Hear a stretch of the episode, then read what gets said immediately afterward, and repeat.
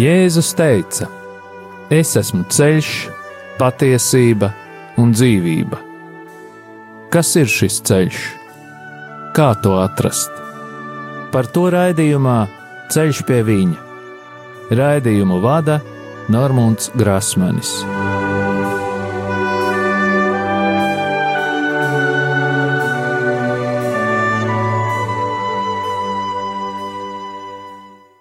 Lai ir slavēts Jēzus Kristus. Atkal ir piekdiena, un rādio Marija ēterā izskan raidījums Ceļš pie viņa. Vēlos atgādināt, ka raidījuma e-pasta adrese ir ceļš pie viņa at gmail.com. Turpinu pateikties visiem klausītājiem, kuri atceras mani un pārējos radio Marija darbiniekus, brīvprātīgos un arī ziedotājus savās lūkšanās. Vēlos pateikties katram klausītājam, kurš ar savām lūkšanām un finansiālo ziedojumu atbalsta Radio Mariju skanējumu ēterā. Lai Dievs jūs bagātīgi svētī, un arī katru atbalstītāju, un visus mūsu kopumā. Un tagad, kā jau ierasti, lūgsim aizsardzības lūgšanu pār rādījumu arī darbiniekiem un brīvprātīgajiem, par katru klausītāju un mūsu ģimenes locekļiem. Jēzus Kristus vārdā mēs pārņemam autoritāti par savu ģimeni un sasaistām visus ļaunos spēkus un varas gaisā, telpā, zemē, ūdenī, pazemē, dabā un ugunī. Dievs, tu esi kungs pāri visam visumam, un mēs atdodam tev slavu un godu par tavu radību. Tavā vārdā, Kungs, Jēzu Kristu, mēs sasaistām visus demoniskos spēkus, kas ir nākuši pār mums un mūsu ģimenēm, un ieslēdzam mūs visus tavu dārgo asiņu aizsardzībā, kas mūsu dēļ tika izlietas pie krusta. Marija, mūsu māte, mēs lūdzam tavu aizsardzību un aizbildniecību pār mums un mūsu ģimenēm ar svēto Jēzus sirdi. Ietin mūsu savas mīlestības apmetnī un sakauj mūsu ienaidnieku. Svētais arcēnģeli Mihēlu un visi mūsu sargaņģeļi. Nāciet aizsargāt mūsu un mūsu ģimenes šajā cīņā pret visu ļauno, kas ir šajā pasaulē. Jēzus Kristus vārdā un caur viņa dārgajām asinīm mēs sasaistām visas ļaunuma varas un pavēlam tām atkāpties šajā brīdī no mums, mūsu mājām un mūsu zemes. Mēs pateicamies Tev, Kungs, Jēzu, jo Tu esi taisnīgs un līdzjūtīgs Dievs. Āmen! Jēzus Kristus vārdā un Viņa krusta un Viņa izlieto asiņu spēkā mēs sasaistām jebkura ļaunuma varas spēku garus un pavēlam tiem, lai tie nebloķē mūsu lūgšanas Mēs salaužam jebkurus lāstus, burvestības, kas ir vērsti pret mums, padarot tos tukšus un bezspēcīgus.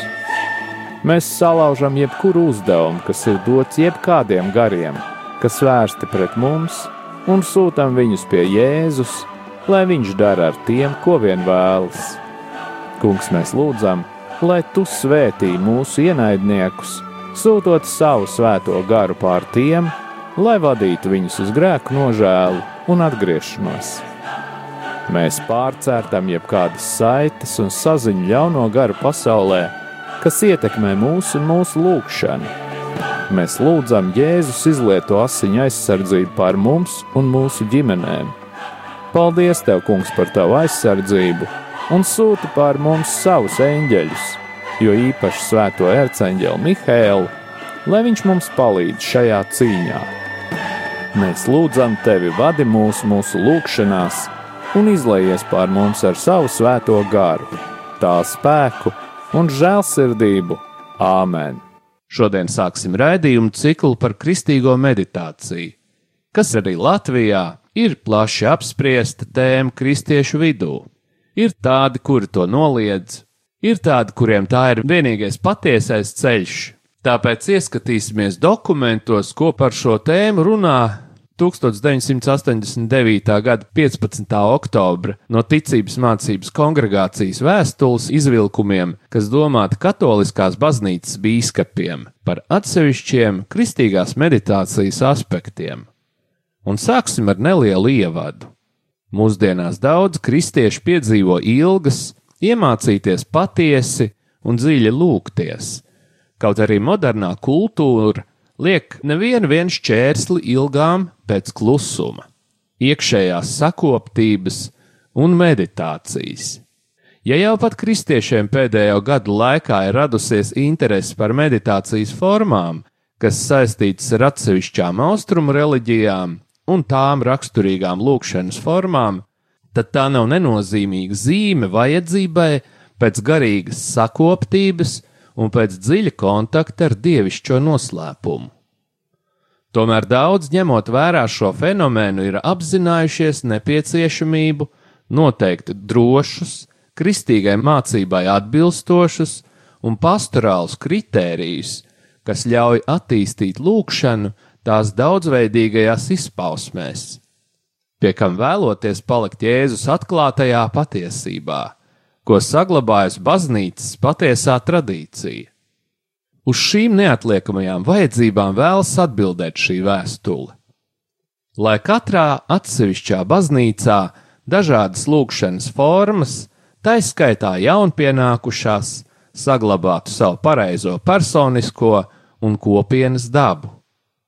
Šie norādījumi pirmkārt ir adresēti bīskapiem, lai šis jautājums būtu viņu pastorālo rūpju vidū viņam uzticētajās baznīcās, lai visa ticīgā tauta, priesteri, klostera ļaudis un laji ar jauniem spēkiem justos aicināt lūgšanai uz Dieva Tēvu, Kristus, mūsu Kunga garā.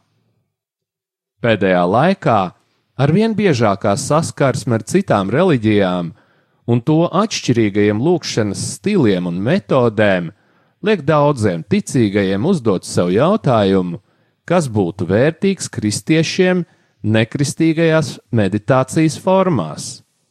Un jautājums vispirms skar austrumu metodes.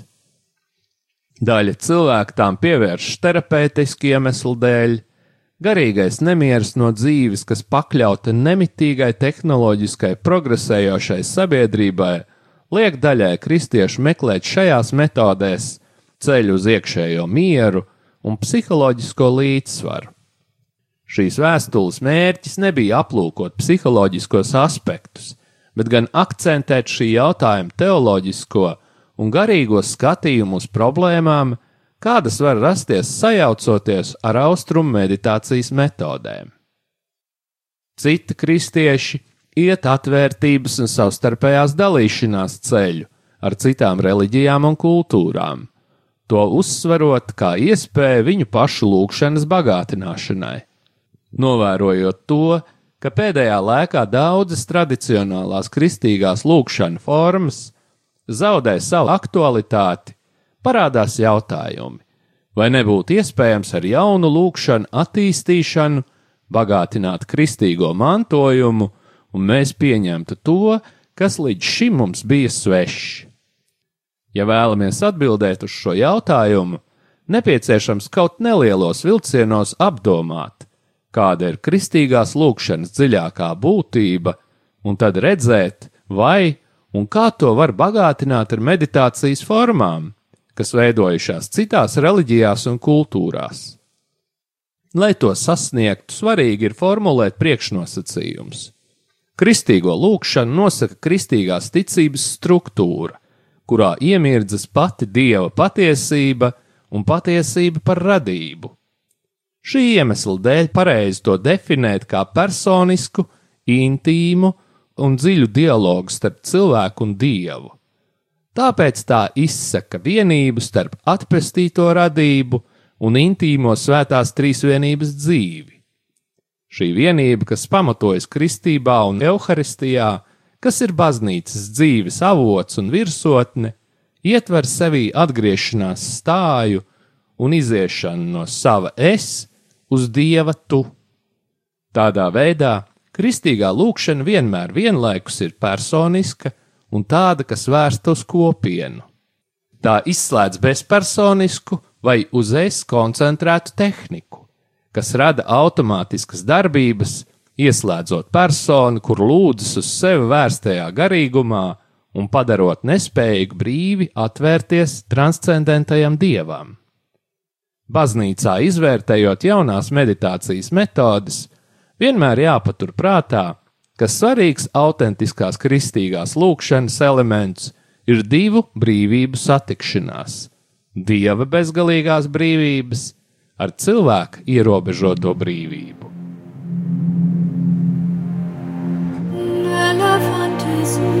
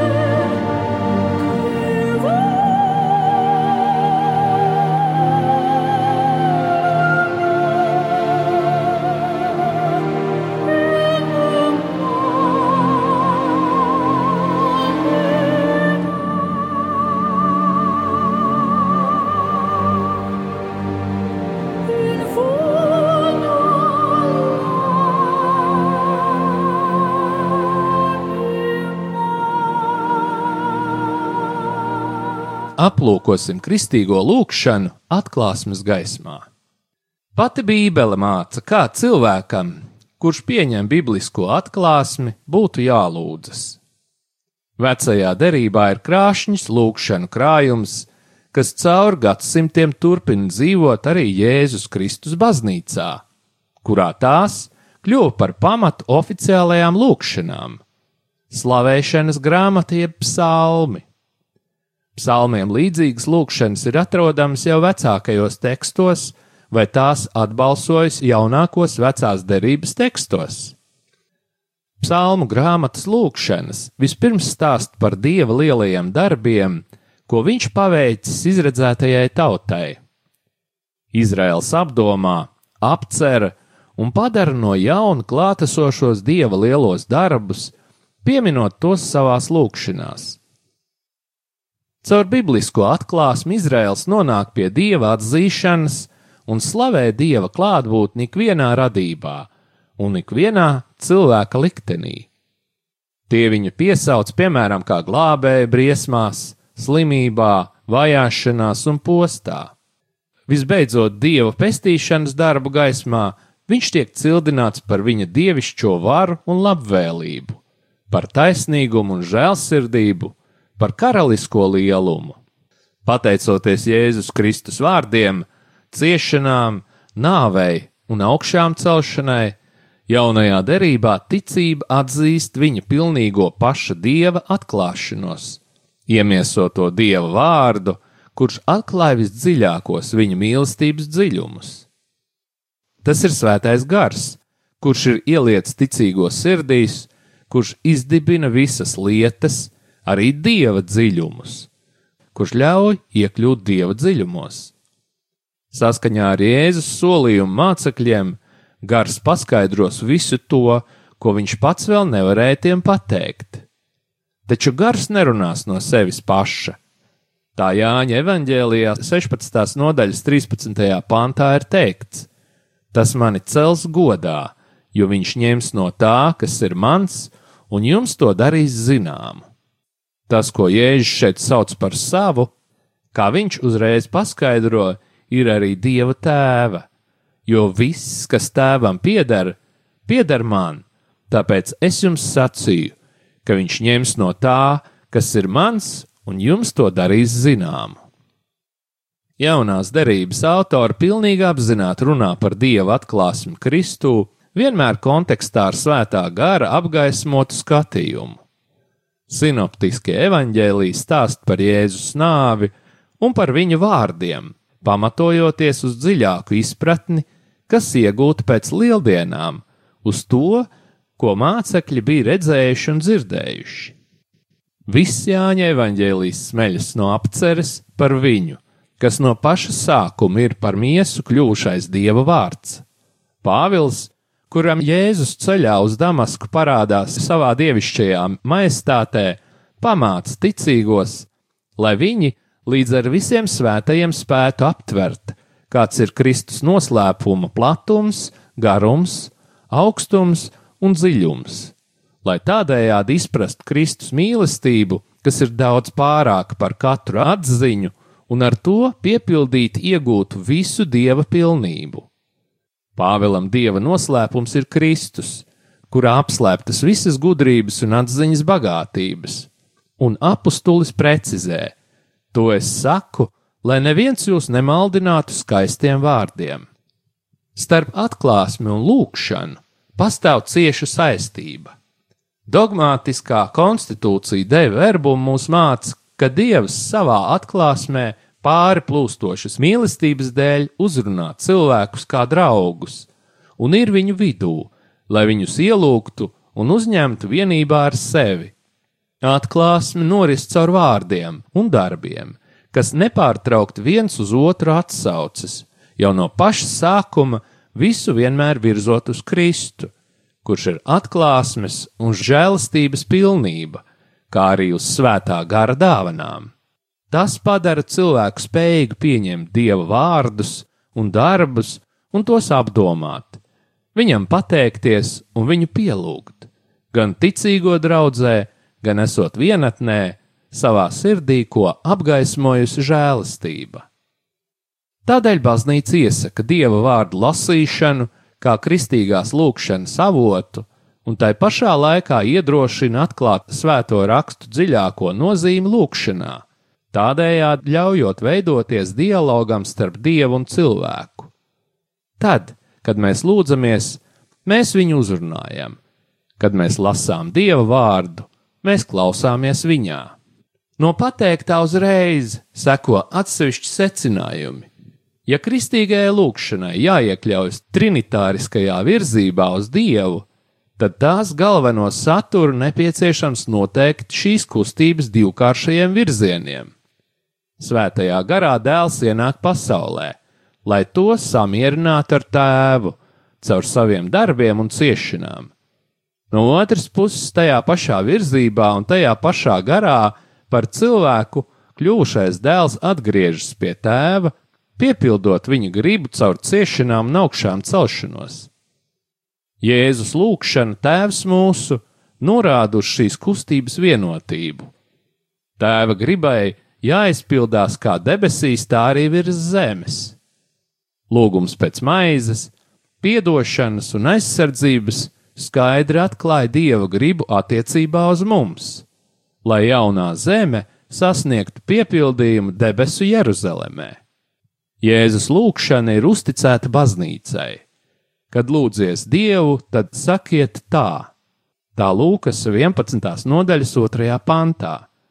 Tādēļ, kad kristietis lūdzas, pat ja viņš ir viens, patiesībā viņš lūdzas svēto kopienā un ar viņiem kopā, lūdzoties gan publiski, un atklāti, gan privāti. Tādēļ šai lūkšanai ir jābūt lūkšanai, kas notiek patiesības garā, vienotībā lūdzošās baznīcas garā un zem tās vadības, kas dažreiz var pieņemt garīgās vadības formu. Pat ja kristietis ir viens un lūdzas slepenībā, viņam ir jāsaprot un jāapzinās, ka viņš vienmēr lūdzas vienotībā ar Kristu, svētajā garā un kopā ar visiem svētajiem par labumu visā baznīcā. Un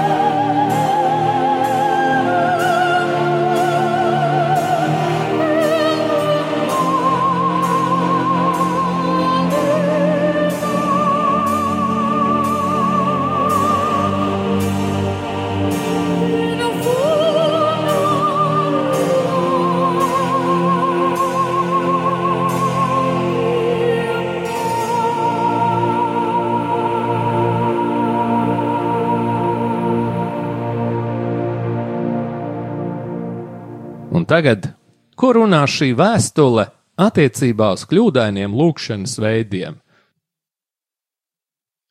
Jau pirmajos baznīcas pastāvēšanas gadsimtos baznīcā ienāca kļūdaini lūkšanu veidi.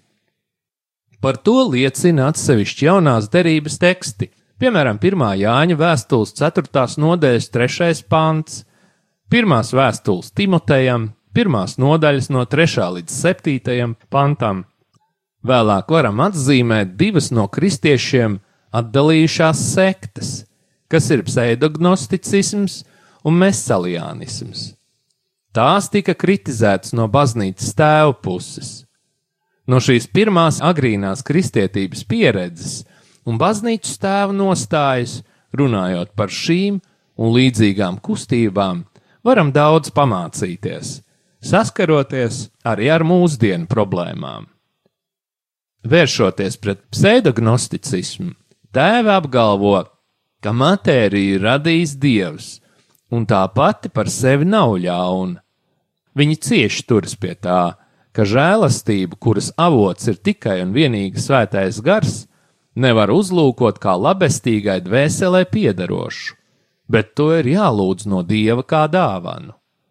Tādēļ apgaismības, jeb augstākā gara atziņa, kas ir gnosis, nesamazina vajadzību pēc kristīgās ticības un tās lietderību. Visbeidzot, priekš baznīcas tēviem patiesa zīme par īstas augstākās atziņas un lūgšanas augļiem var liecināt tikai kristīgā mīlestība. Ja jau kristīgās lūgšanas pilnību nevar izvērtēt, pamatojoties uz gnostisko diženumu atziņu, tad arī to nevar vērtēt pēc meseliānisma dievišķās pieredzes. 4. gadsimta viltus harizmāti identificēja svētā gara žēlastību ar psiholoģisko pieredzi, kā dieva gara klātbūtni cilvēka dvēselē. Vēršoties pret viņiem, baznīcas tēvi uzsver faktu, ka lūdzošas dvēseles savienošanās ar dievu ir noslēpums, un tas notiek caur baznīcas sakramentiem. Citkārt baznīcas tēvi uzsvēra, ka tas var būt arī sasniedzams piedzīvojot dziļu postu un atstumtību. Savukārt mēs aliānisti uzskata, ka šāda sāpināta dvēseles pieredze nevar būt zīme tam, ka svētais gars ir klātesošs. Pretēji mesalionistiem baznīcas tēvs skaidri atzīst, ka svētā gara žēlastība var būt patiesa līdzdalība mūsu kunga pamestībai uz krusta, kurš vienmēr paliek kā lūkšanas piemērs un starpnieks. Abas šīs viltus lūkšana formas, gan pseidognostiķi, gan mesaliānisti turpina savus sekotājus maldināt, ka grēks nekādā veidā nevar atdalīt no dieva, un atrašanās grēka stāvoklī nav iemesls tam, ka dievs ir tālu no radības. Viņi uzskata, ka šī atstatuma nav. Kristus noieto ceļu uz zemes, kas priekš mums ir ceļš pie dieva tēva, Priekš viņiem ir kaut kas lieks un nevajadzīgs. Viņa žēlstība no dieva ir pazeminājuši līdz dabiskās psiholoģijas līmenim. To, ko mēs uzskatām par tīru žēlastību, viņi tās vietā liek augstāko atziņu vai pieredzi. Vēsturiski laiku pa laikām šādas viltus lūkšana formas parādās visas baznīcas pastāvēšanas laikā, un mūsdienās šķiet, tās iespaido daudzus kristiešus un tiek viņiem ieteiktas kā psiholoģisks vai garīgs dziedniecības līdzeklis vai kā ātrs ceļš, kā atrast dievu. Tomēr šīs viltus lūkšana dzīves formas, lai kur tās arī parādītos, ir viegli atpazīt. Kristiešu meditācija, vai precīzāk sakot, tā būtu lūkšanas pārdomas, cenšas aptvert dievišķo dieva piedāvāto pestīšanas dziļumu, kas nāca caur Kristus darbību uz zemes un iemiesojies caur vārdu ar svētā gara klātbūtni, lai vienmēr atklātos cilvēciskajā un zemes dimensijā. Turpretī šajās piedāvātajās meditācijas metodēs tās kritēriji, pat ja tās iznāk no Jēzus vārdiem un darbiem, pēc iespējas mēģina izslēgt visu to, kas ir pasaulīgs, ar maņām uztverams un kaut kādā veidā ierobežots. Tādā veidā viņi mēģina sasniegt vai iegremdēties dievišķajos augstumos, ko nekādā veidā nav iespējams aptvert ne ar maņām, ne ar prātu. Šāda tendence, kas bija klātesoša vēlējā grieķu perioda reliģiozitātē, bet īpaši neoplatonismā, ir atrodama par pamatu daudz tautu reliģiskajai uztverēji, tiklīdz tās apzinās savu vājību raksturu, to priekšstatiem par dievišķo un mēģinājumu piekļūt radītājam tuvāk. Caur šīs dienas austrumu meditācijas fórumu izplatīšanos kristīgajā telpā un baznīcas kopienās, mēs no jauna piedzīvojam nopietnu bīstamību, ka tā sauktā kristīgā meditācija var tikt savienota ar nekristīgo meditāciju, kas ir maldi.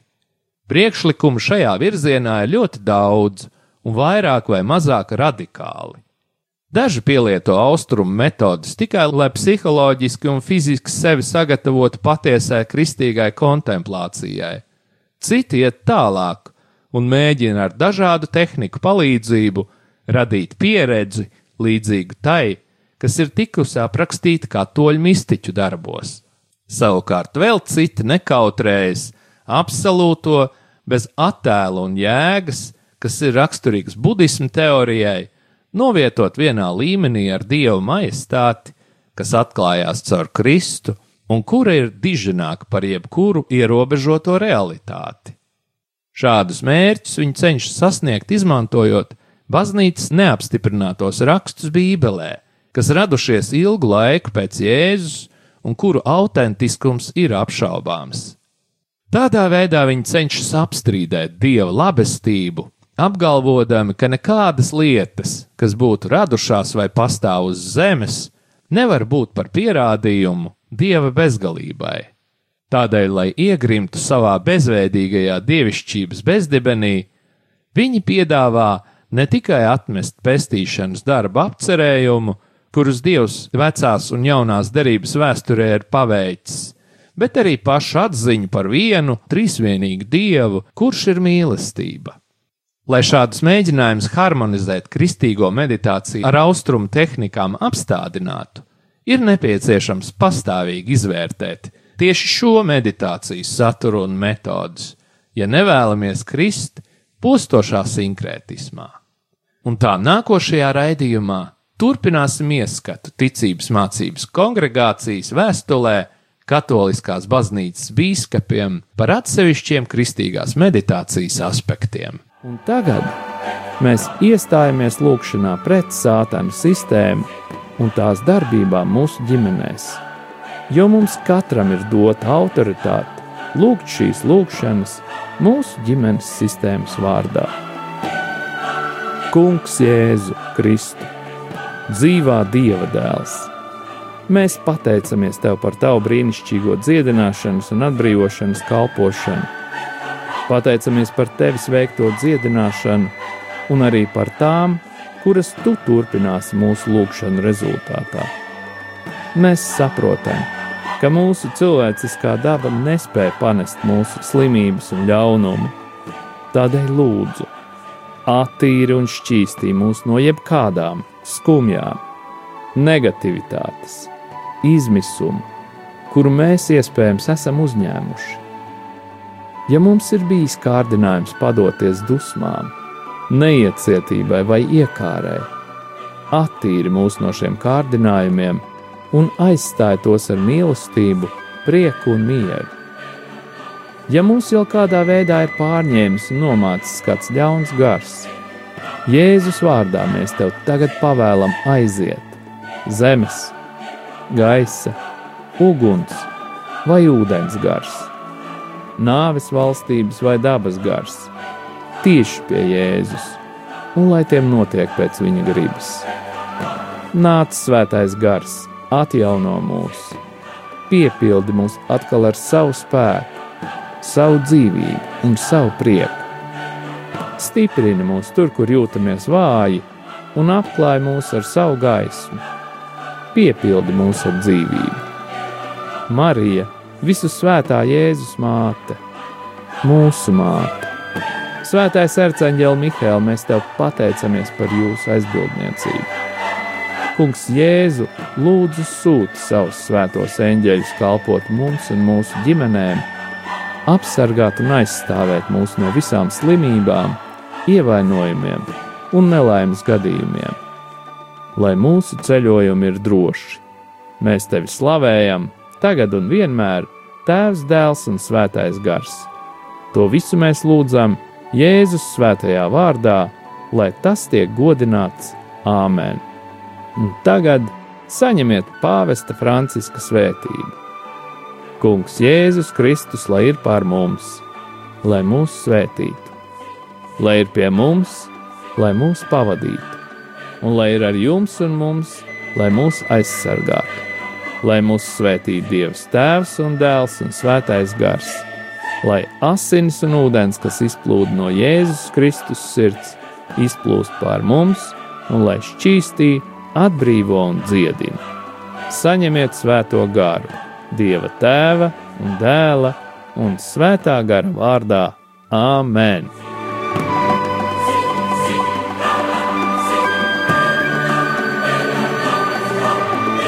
Jūs klausījāties raidījumu Ceļš pie viņa uz tikšanos piekdien,